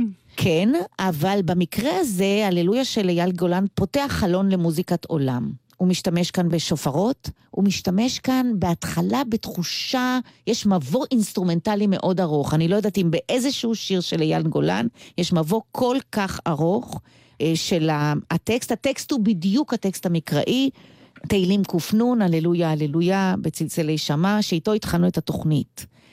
אבל האודיסאה הבינלאומית שהשיר הזה עובר, היא מאוד מאוד ברורה. יש כאן צלילים מהעולם הגדול, יש כאן תחושה של זמן מושהה אולי מהמזרח הרחוק, ועל זה השופרות, ורק אחרי זה נכנס אייל גולן עם הללויה, הללויה בצלצלי שמע, בצלצלי תרועה. דרך ארוכה עשינו מהגלות לכפר הגלובלי. אנחנו כאילו, אז שמרנו על המיינור, מיינור, מיינור, על המקום הקטן שלנו עם המשפחה בליל הסדר לפני שבת, לשמור על המקום הקטן. וכאן אתה מרגיש שאנחנו רוצים לחבוק עולם ומלואו ולהתחבר ל... אם אפשר להגיד את זה, למלודיה של הכפר הגלובלי האוניברסלי.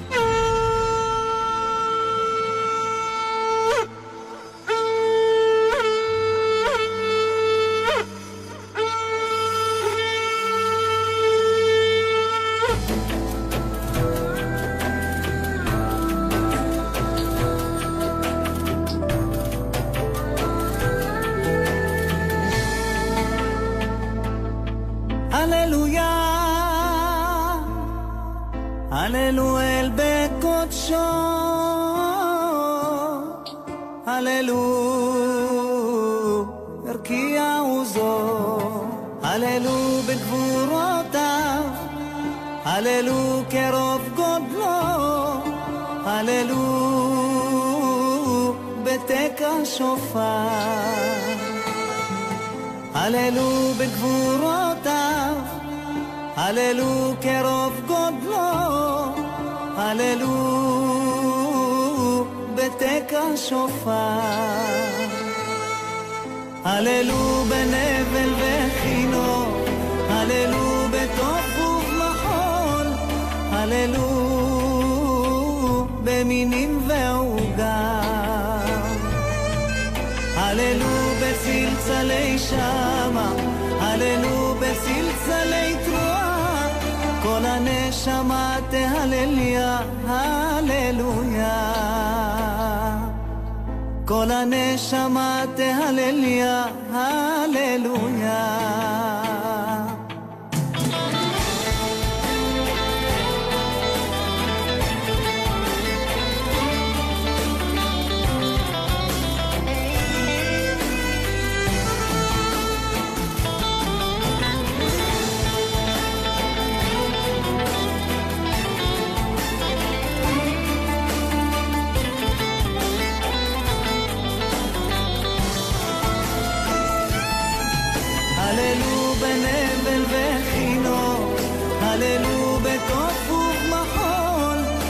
הללו במינים ועוגה. הללו בצלצלי שמה, הללו בצלצלי תרועה, כל הנשמה תהלליה, הללויה. כל הנשמה תהלליה, הללויה. כל הנשמה תהלליה.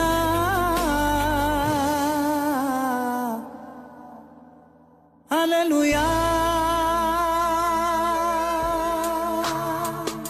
הללויה, שופרות, יוסי בן דוד הלחין את המילים מתהילים, ואייל גולן שר, ואנחנו נשארים באזור ההוא עם ההללויה של יונתן רזאל. כן, ועוד דלת אחת נפתחת, אפריקה.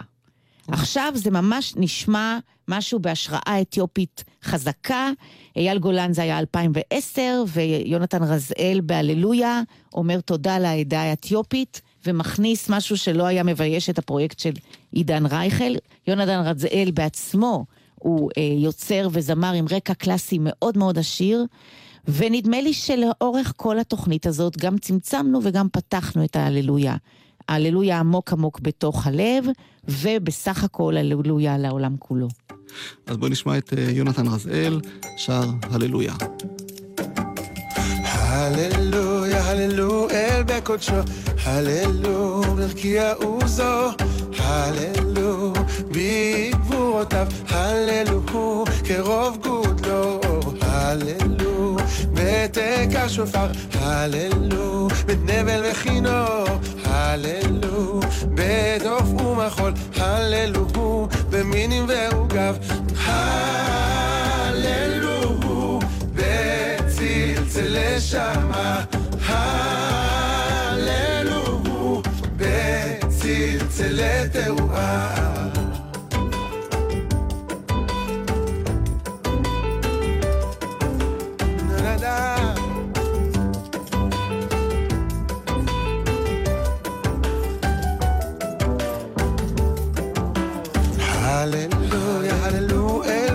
אל בקודשו, הללו ברקיע עוזו, הללו בגבורותיו, הללו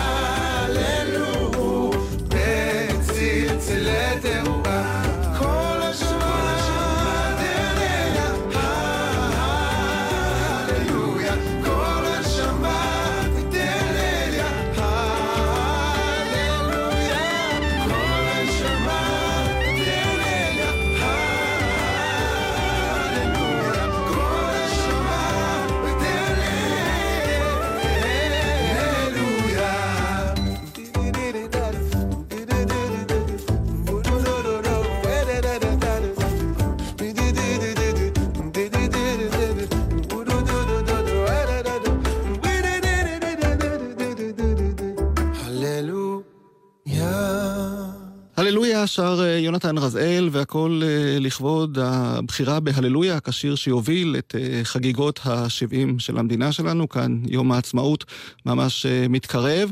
דוקטור אסטרית בלצן, אני רוצה להודות לך שהיית איתנו כאן, שעתיים הקדשנו לנושא הזה, כי באמת העושר המוזיקלי שהבאת, כמובן עם הידע והמחקר שלך מרתקים, וחבל לנו להסתפק רק בשעה. לדעתי יש לך כאן אה, בסיס להרצאה מוזיקלית, כמו שאת אה, מיטיבה כל כך לעשות, נכון? אה, כמה פעמים כבר העלית את ההרצאה המוזיקלית שלך על התקווה, למשל, מהרצל עד סבלימינל? לא, התקווה זה באמת... זה באמת חריג בתוך כל מה שאני עושה, כי זה עבר כבר את ה-400 הופעות, וזה בארבע שפות, חמש ביבשות, עשרים מדינות. מה את אומרת? אבל אני באמת אפילו לא קוראת, אני באמת אני לא יודעת איך לקרוא לזה, זה לא הרצאה מוזיקלית וזה לא קונצרט, זה איזשהו מופע שאני, אה, שאני עיצבתי. אתה יודע, כל החיים מלמדים אותי, כמישהו שחונך על הכשרה קלאסית, שיצירה אמיתית היא קצת כמו מולקולה, כמו במדע. בגרעין הראשוני צריך להיות הכל. אם המוטיבים של הפתיחה הם טעונים מספיק, אז הפתיחה הופכת לסמל, וסמל הוא גם תמציתי וגם חידתי, ואין לו סוף, וככה אתה מגיע לאיזשהו נצח.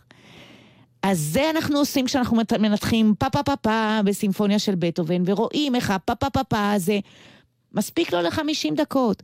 או הללויה של באך בקנטטה מספר 4, הוא מלחין אותה שמונה פעמים בשמונה טכניקות שונות, מילה אחת. אז בעצם בתוך הדבר הכי מצומצם יש את הגרעין של האינסוף, כנראה זה פלא הבריאה. ולגלות את זה מחדש זה משהו ש... מה אני אגיד לך, זה בשביל יוצר זה אושר שאין לשער. כי זה כל הזמן מתחדש איתך, ואז אתה מביא את זה בפני קהל וזה מתחדש אה, מולם. אז הנה אני הגעתי לנושא הזה של התקווה, כי אה, נתבקשתי על, על ידי משרד החינוך אה, לפרסם ערכת לימוד, אחרי שכולם התחלחלו באיזה משאל, ששאלו מי כתב את התקווה, וכתבו נוער של אה, שנות האלפיים, ענה צביקה פיק. אז המורות התחלחלו ואמרו, טוב, אז צריך ללמד גם מי כתב ואיך כתב, ובהתקווה יש גם מילים, עוד נניח שזה נפתלי הרצימבר, למרות שיש שם תיקונים של אה, דוד ילין ומטמון כהן, אבל לחן כתוב המילה העממי. עממי, אף אחד לא יודע מי זה, ועממי זה החבר של אנונימוס, וברגע שיש לך לחן עממי, אתה ניצב מול באר אה, עמוקה מני ים, ולך תחפש את גלגולו של הניגון. ואז התחלתי לחפש, וככל שחיפשתי, קצת כמו בקליפת הבצל, מאחורי כל קליפה הייתה עוד קליפה, ואני לא בטוחה שהגעתי ושאפשר בכלל להגיע לשורשים של הדבר. אבל מה שכן נפתח בפניי זה הסיפור. הסיפור הענק של העם הזה, הסיפור הענק של הארץ הזאת. וככל שאתה מגלה כמה שהסיפור הזה הוא נפלא ובלתי אפשרי, אתה מתאהב בה יותר. וזה מה שאני רוצה להעביר. תוכל לספר איזה, איזו אנקדוטה מאחת ההופעות שהיו לך עם המופע הזה של התקווה, באמת הופעת כבר בכל העולם עם המופע הזה? משהו במיוחד שאת זוכרת? משהו שריגש אותך במיוחד? במסגרת אה, זה שבעצם כתבתי ספר ואחר כך התחיל ביקוש למופע, אז הבנתי שאני לא יכולה לשים במופע את כל הפרטים, ודאי לא את הניתוח המוזיקלי שאני שמה בספר. מופע צריך להיות מופע, הוא צריך לתת שואו, והתחלתי להיות שודדת ארכיונים.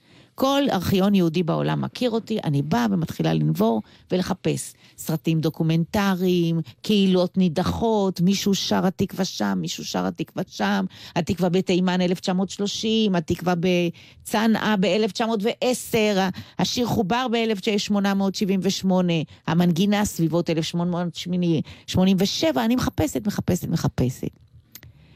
אין ספק שמכל הטון החומר שאספתי, אני בוררת טוב, הכי מרגש זה שירת התקווה של ניצולי ברגן בלזן ביום השחרור של המחנה, 15 באפריל 1945. שירה שהוקלטה על ידי כתב ה-BBC ושרדה בסמיסוניאן אינסטיטוט בוושינגטון, הולטה לאינט, לאינטרנט ב-2006, ו- וככה השגתי אותה. עכשיו, זה קטע מטקס שעשה הרבי, הרב, ה... הרב הלונדוני, רבי הרדמן, אה, שהוא אומר להם, תשירו, זה יום שישי, הוא אומר להם, תשירו התקווה, הם שרים התקווה, ובסוף הוא אומר, עם ישראל חי במבטא בריטי כבד, The Children of Israel Still Living. ואני נותנת קרדיט, בסרט אני שמה את הקרדיט, מצאתי את הסרט בארכיון שפילברג, בתוך 140 סרטונים בשחור לבן, של איך שרפו את המחנה הזה בסוף, כי היה צריך לשרוף אותו, הייתה שם מגפת טיפוס, כל רגע היה סכנת הנפשות, אז הייתה שירת התקווה, ושרפו. ואז שומעים את הברכה של הרבי וגם רואים אותו. אז אני מראה, ובקרדיט אני כותבת רבי אה, הרדמן, לונדון. כולם בוכים בקטע הזה, כי אי אפשר לעמוד בפני זה. רואים קבר המונים, נזכרים שהבסיס של התקווה זה מחזון העצמות היבשות של יחזקאל. נו באמת, אי אפשר לא. ותמיד בסוף ההופעה יש תור ענק לפני חדר אומנים, ואנשים אה, אנשים מחכים בתור, לכל אחד יש משהו להגיד, תראה, זה התקווה וזה אנחנו, לכל אחד יש משהו להגיד. אז באחד התורים, עוד במופעים הראשונים, ב-2009, בבית התפוצות, בסוף התור הייתה אישה חרדית עם פאה ומכוסה ומזיעה, ולא אמרה מילה, וחיכתה שעה בסבלנות, והגיעה ואמרה לי, דוקטור בלצן, את אומרת את שמו של הרבי, תגידי גם שכל המשפחה עלתה לישראל, ואנחנו פה, ואנחנו ממשיכים את מורשתו. אני אומרת. מגיעה עם המופע הזה לסן פרנסיסקו. אומרת את השם של הרבי, מסיימת את המופע, תור לפני חדר אומנים. באמצע התור לא כל כך מנומס עומד מישהו ואומר לי, דוקטור בלצן, אה, למה את אומרת שהוא רבי? אין לו הסמכה לרבנות. הוא לא רבי, הוא רב. הוא היה רק נספח צבאי. את צריכה לדייק בדרגה. אני אומרת לו, וואלה, רק אצלנו זה יכול להיות. זה מה שהיה חשוב לו. מישהו מנהל טקס שירת התקווה על קבר המונים של 40 אלף גוויות בברגן בלזן, ומצטט חלו, חזון העצמות היבשות, ואתה עסוק אם הייתה לו הסמכה לרבנות, כן או לא. זהו עם ישראל. עם כן. ישראל חי. זה העיקר שאנחנו עם ישראל חי, ומי שרוצה לשמוע עוד את uh, הסיפורים המרתקים שיש לך בעקבות התקווה ובכלל, אז התזמורת הפילהרמונית הישראלית תארח אותך ממש לפני uh, כן. יום העצמאות, וגם מהבחינה הזאת אני מניח שזאת סגירת מעגל מבחינתך, כי בהתחלה לא השתגעו על מה שאת עושה עם המוזיקה הקלאסית, וככה נותנת אותה בצורה אחרת מהמורגל בקונצרטים הרגילים, אבל הנה, אה, כן, ועכשיו יש לי אה, עדה שלמה של חקיינים וממשיכי דרכי, אבל דווקא התז- התזמורת הפילהרמונית, התוכנית הראשונה שעשיתי אי פעם עם הפילהרמונית הייתה תוכנית התקווה. לילדים עם סמטנה, אז כל מה שידעתי זה שגנבנו מסמטנה. זה אהה. כל מה שידעתי. לא ידעתי על הפיוט הספרדי, לא ידעתי על החלק של יגדל אלוהים חי האשכנזי, לא ידעתי. ידעתי פחות או יותר את הסיפור מהאמצע. אבל הקונצרט ההוא היה עוד הקונצרט האחרון שיכולתי להזמין את אבא שלי. אבא שלי היה בקהל, כבר בכיסא גלגלים, בקושי מדבר. והוא כל כך התרגש, שהוא אמר לי, תשמעי, זה לא עוד קונצרט, זה משהו מיוחד. הייתי רוצה שתכתבי ספר. ובעקבותיו הלכתי וגלגלתי שאני אכתוב את הספר ואעשה את התחקיר. וזה היה 2001. והיום, אחרי שהספר יצא והמופע כל כך רץ, וזה, אמרתי, ל-70 במדינה, והפילהרמונית כן נתנה לי, אה, עודדה ונתנה יד פתוחה ופרגנה, אז אה, אני יכולה גם אני להגיד בהמון תודה, הנה חזרתי, ועכשיו אני שוב נותנת את זה לילדים. טוב, אז גם אנחנו רוצים להגיד לך תודה על השעתיים המרתקות שהעברת איתנו כאן, בעקבות הללויה, והגענו גם להתקווה, איך לא? אה, נדמה לי שמישהו פעם עשה מתיחת אחד באפריל באחד עם הרשתות. הללויה, אחרי שהשיר זכה, אז בכל ישראל אה, דיווחו שהשיר הזה יחליף את התקווה. כן. זו הייתה מתיחה מוצלחת, כי הרבה האמינו שזה יקרה, אי אפשר לדעת מה עוד צפוי לנו. ניב בן אלי היה טכנאי השידור, אני יורם רותם, דוקטור אסטרית בלצן, אני מודה לך שהיית איתנו, ושניפגש בשמחות. הללויה. כמו שאומר יורם ארבל, אחרי כל גול שראוי לקריאה הזו, הללויה, ונסיים עם הפרויקט של רביבו, שבאמת יודעים לשמוח. הווה נגילה, הללויה.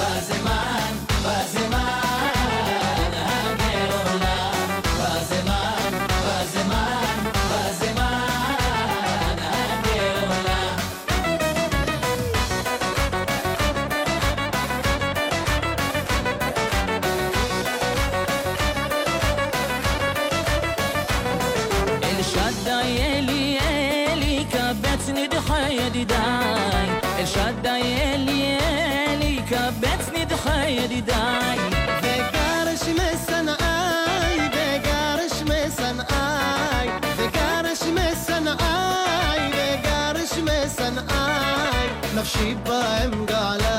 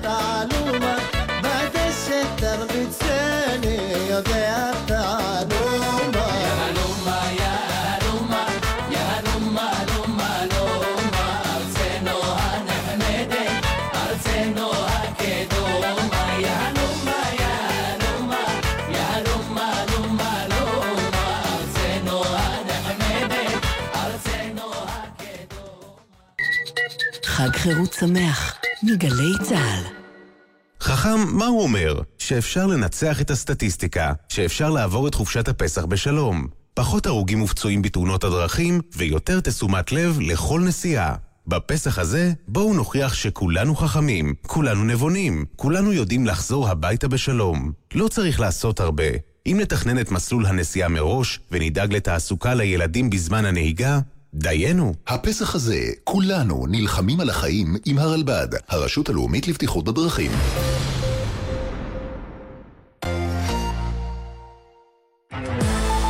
ישראל חוגגת 70. גלי צה"ל עם הרגעים שעשו לנו את המדינה. בנימין נתניהו הוא ככל הנראה ראש הממשלה הבא של ישראל. תודתי הגדולה ביותר לרעייתי שרה. אחר כך אני שומע את חבריי אומרים פרס הוא לוזר? אני הפסדתי! 70 שנות עצמאות בגלי צה"ל. גלי צה"ל עושה לכם את החג עם יום שלם של הופעות חיות אצלכם ברדיו. מתשע בבוקר, מיטב ההופעות החיות ששודרו בגלי צה"ל מרחבי הארץ. מיד, בגלי צה"ל.